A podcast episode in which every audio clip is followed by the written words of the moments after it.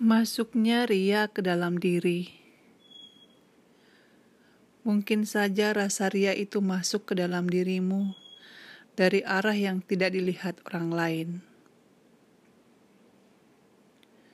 Ria itu seperti semut hitam yang berjalan di atas batu hitam di tengah malam yang gelap gulita.